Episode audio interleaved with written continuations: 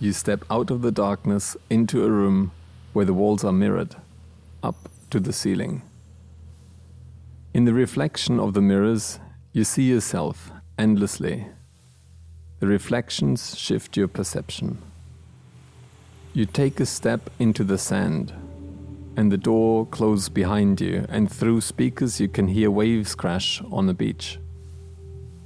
It's almost like being at the beach, only everything here is artificial. In the middle of the room are two plastic beach chairs. In the corner, the kind of a water dispenser that you'd only find in an office building. The door has disappeared, and you have no idea where you came from or how you get out again. A man is sitting in one of the chairs. His kind eyes take you in, and he says, Hi. Hey, welcome to the last episode of Land of Plenty, the podcast. I'm Julian Hetzel, and I'm a performance maker and visual artist. The Land of Plenty was created during the Forum on European Culture, a festival that researches the future of democracy.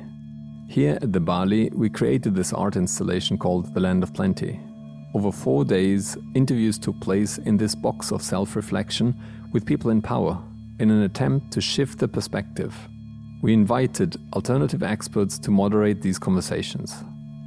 In this episode, you're going to listen to Miguel and Ed, who interview co founder of Extinction Rebellion UK, Clare Farrell, and prominent politician in the government of Amsterdam, among other things responsible for social affairs and shelter, Rutger Groot Wassink.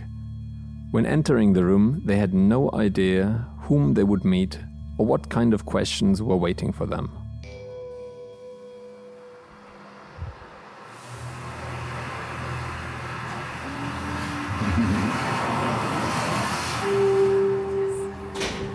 Hi.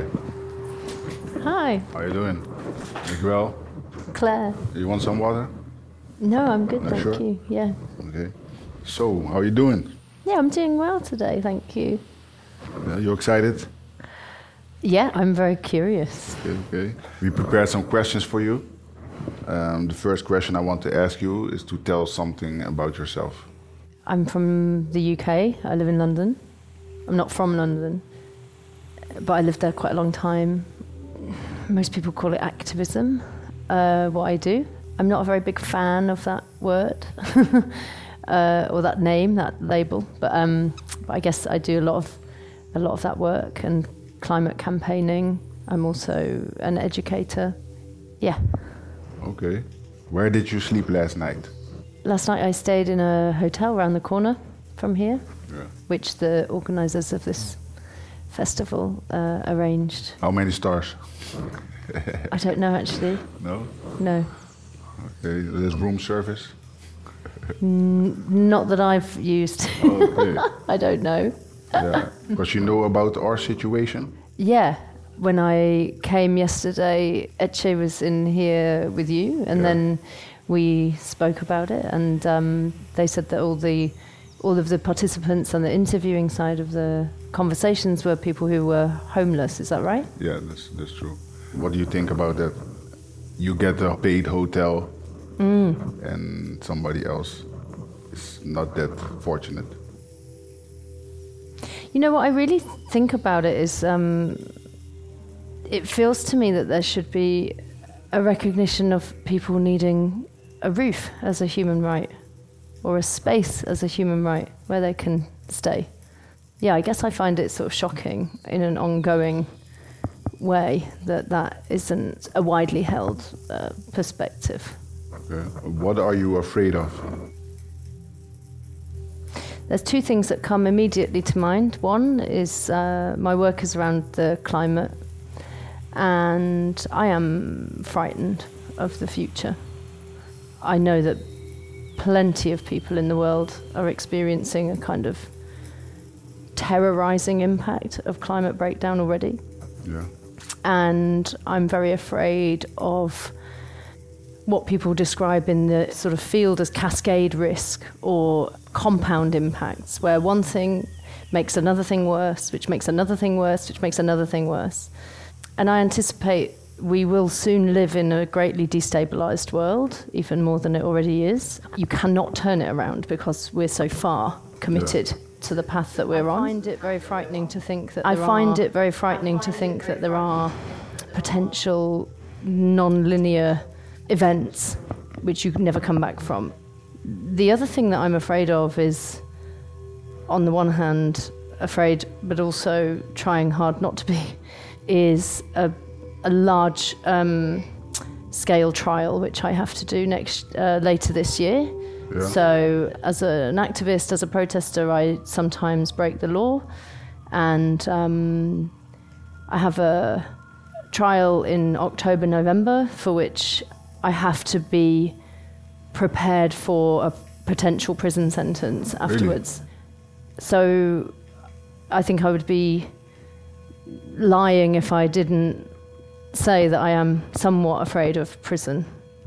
Okay, so how long could you get for? This sentencing bracket is at the moment stands at one and a half to four years between that thing. I also have some friends who did something very similar and they have recently had a suspended sentence, Okay. which may mean that we can rely on their experience as something to hold up to the court and say if they want to jail me for, let's say, one year, two Yeah. years, whatever, we will be able to say what's so different about these women because it's a group of all women Yeah. who did criminal damage uh, on Only women? purpose. Yeah, only women. well. And multi generational women as well, from like university student up to grandmother, which is quite a, it's quite a beautiful collection of beings that I'm with. Nonetheless, despite the previous case giving a precedent that suggests maybe we could get suspended sentences, so not be actually put inside, but just have that over us. I have to be ready for it in case that's what happens. Cool. What is your first memory with money? I don't know. I really don't know. I mean, I have quite a damaged memory, um, which has to do with um, trauma in my childhood. I have uh, limited access to quite a lot of childhood memory. Yeah, I don't know. I'm afraid I don't know the answer to that. Then we go to the next question. What is the most expensive thing you own? It's the most expensive thing that I own. Yes. It's probably my laptop. Yeah, everybody say laptop or phone. Yeah. So, what is the most precious or valuable thing you own? Um, it's a really great question. I um, I don't really feel like I totally know. Let's say your house sets on fire, God forbid. What would you take out of the house first? This wouldn't be a very good judgment because sitting now, I can think this is a very silly answer, but I think in the moment I would grab my diary. It's because I I can't keep track of what I'm supposed to be doing without writing it all down. So I don't. I, that's how I organise my life. And um, we had a press office which was raided Yes. uh, a few years ago, and the police took my diary whilst I wasn't there, and I just hated it because I just because I just didn't know where I was, what I'd arranged, or what I was meant to be doing, or who I was supposed to talk to, or where I was meant to be, or anything like that. So I probably in the moment would like go, shit, I need my diary. Yeah, I think This is a difficult question. How much money do you have? How much money do I have? I have some savings in my account, which is about 5k. That's it. Okay. Can you tell me about your brokest moment, your economic rock bottom?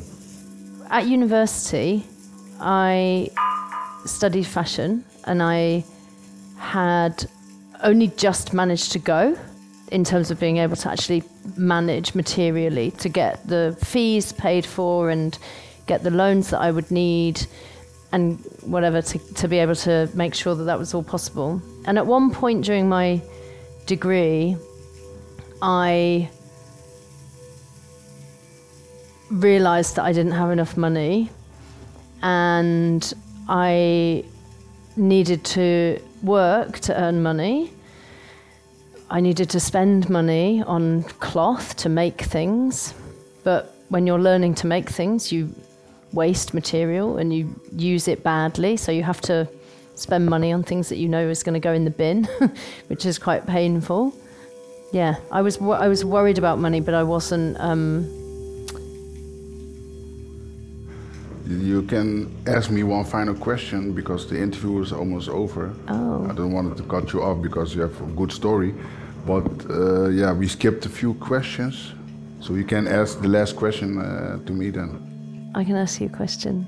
Tell me something about yourself that is the the conversation starter that you want to begin with. I will talk about uh, music or helping people, something positive. yeah. Thank you for your time. Thanks.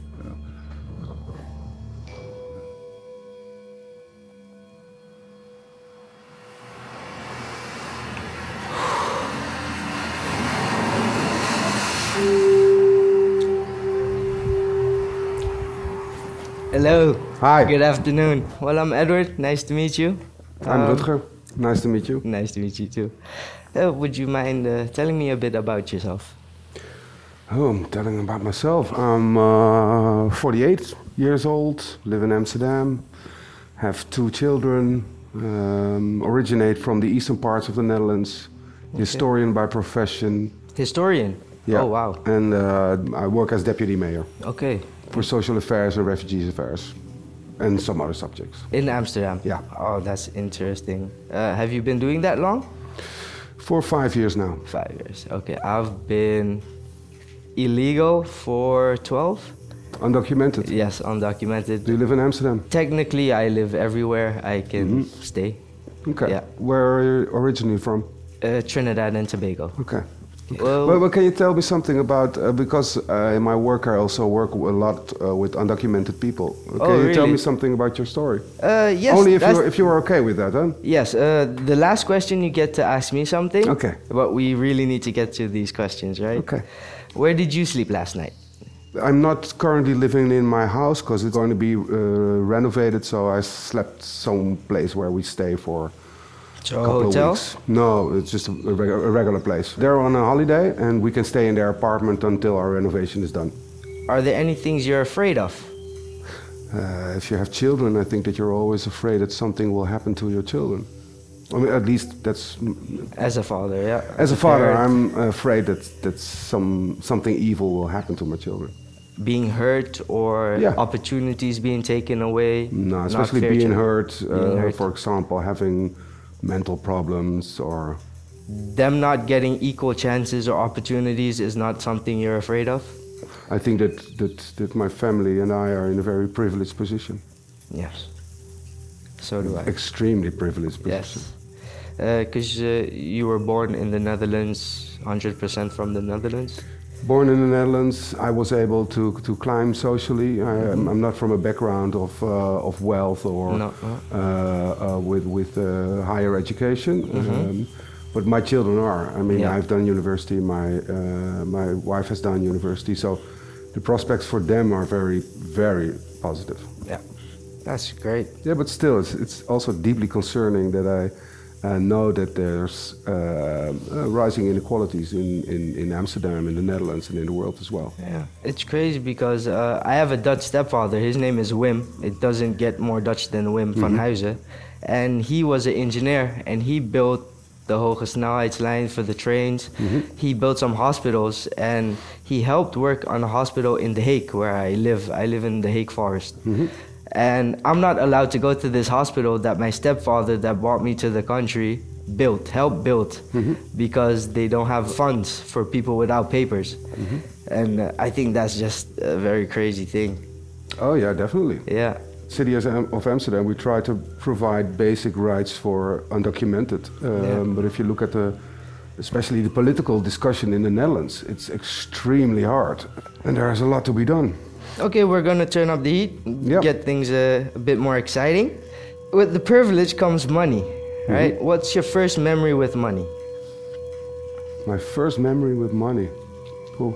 It's uh, doing a job. Uh, Working? Yeah. Okay, what I was your first job? Uh, tw- I was like 12 or something. The stalls in the marketplace, Mm-hmm. I set them up. Oh, okay, that's good. How much money do you have? Maybe two or three thousand. Two or three thousand. Oh, Yeah. okay. So the name of this project is called the Land of Plenty. Mm-hmm. Um, how would you describe in your own words the Land of Plenty? Hmm, that's a very difficult question.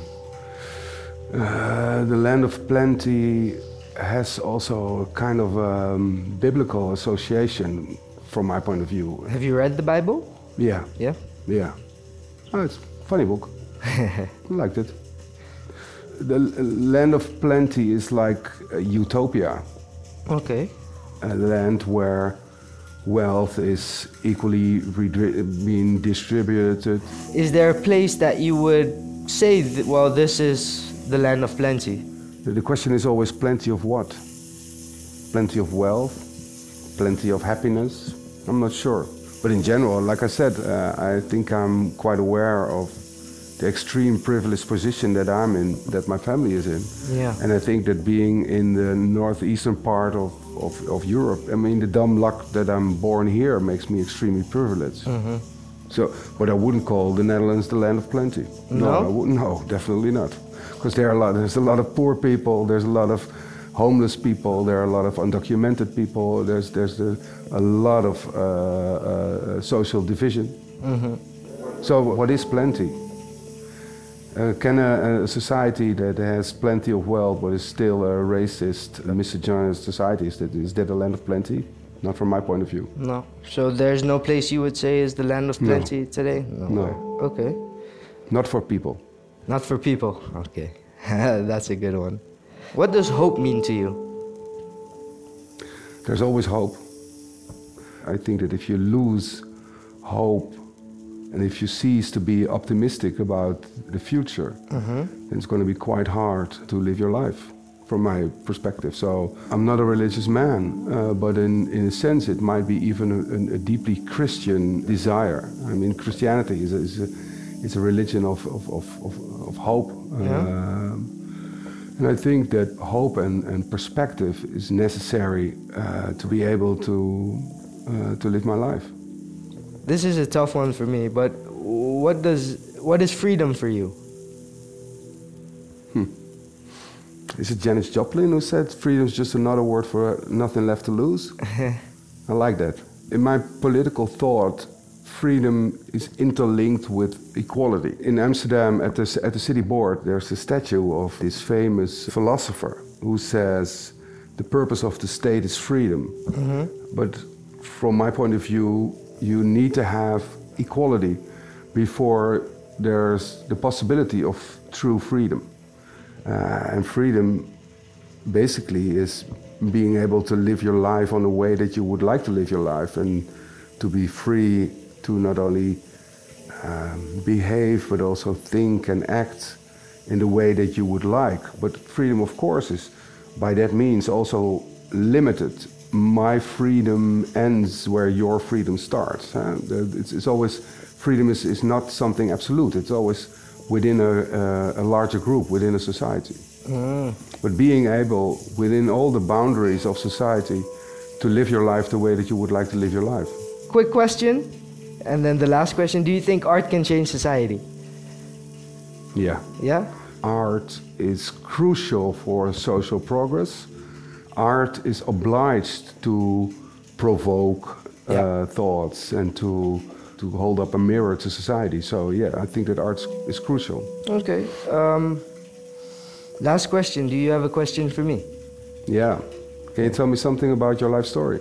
My name is Edward. I came here in 2002. My mom married my stepdad, which is Wim. Um, he brought us here for a better life. He described this as the land of plenty because mm-hmm. where we came from, we did not have running water every day. We did not have hot water, and this would be a better place. The IND, the immigration here, because of bevoegdheid, I was under my mother's passport. Mm-hmm. They never gave me the call to pick up my passport, mm-hmm. and I've been fighting this battle for 12 years now. And they're telling me I don't have any rights here. They call me onrechthebbend. And uh, that's basically where I am right now. I live in the forest. Now I'm here. That that's basically it in a short You- story. You're living on the streets. Yeah. I uh, go to the Salvation Army every day to shower. I have a tent with my stuff, a sleeping bag if I need to move around. If a friend has an empty house, I sometimes get to squat there. That's basically it. Okay. Okay. And uh, I have all my Dutch papers like uh, school, uh, swimming diplomas, uh, everything. I uh, speak Dutch. I learned it in six months, and uh, now I just get to be jealous at people that don't speak the language and have papers. That's basically it. How do you manage? Um, barely. Yeah. That's basically it. But you still have hope. Never lose hope. Never lose hope. Yeah, we're done. Ja. Yeah. Oké. Thank you for the Dank. conversation. Ja. Ik kan Nederlands met je praten, toch? Ja, ja, ja. Ik weet niet of het zin heeft, maar ik werk heel veel met ongedocumenteerden. Ja. Eh, misschien dat we gewoon eens kunnen kijken of. eh, want ik werk ook met veel organisaties. Eh, Thank you for listening to this final episode. I hope this project gave you some insight in your own position in the world. Big thanks to all the incredible alternative experts who participated in this project and all the speakers for their openness. Thanks to the entire team of Studio Julian Hetzel and the Balie for making this happen. And thanks to the European Cultural Foundation for their support. Visit bali.nl for programs and exhibitions or julianhetzel.com for more of my work.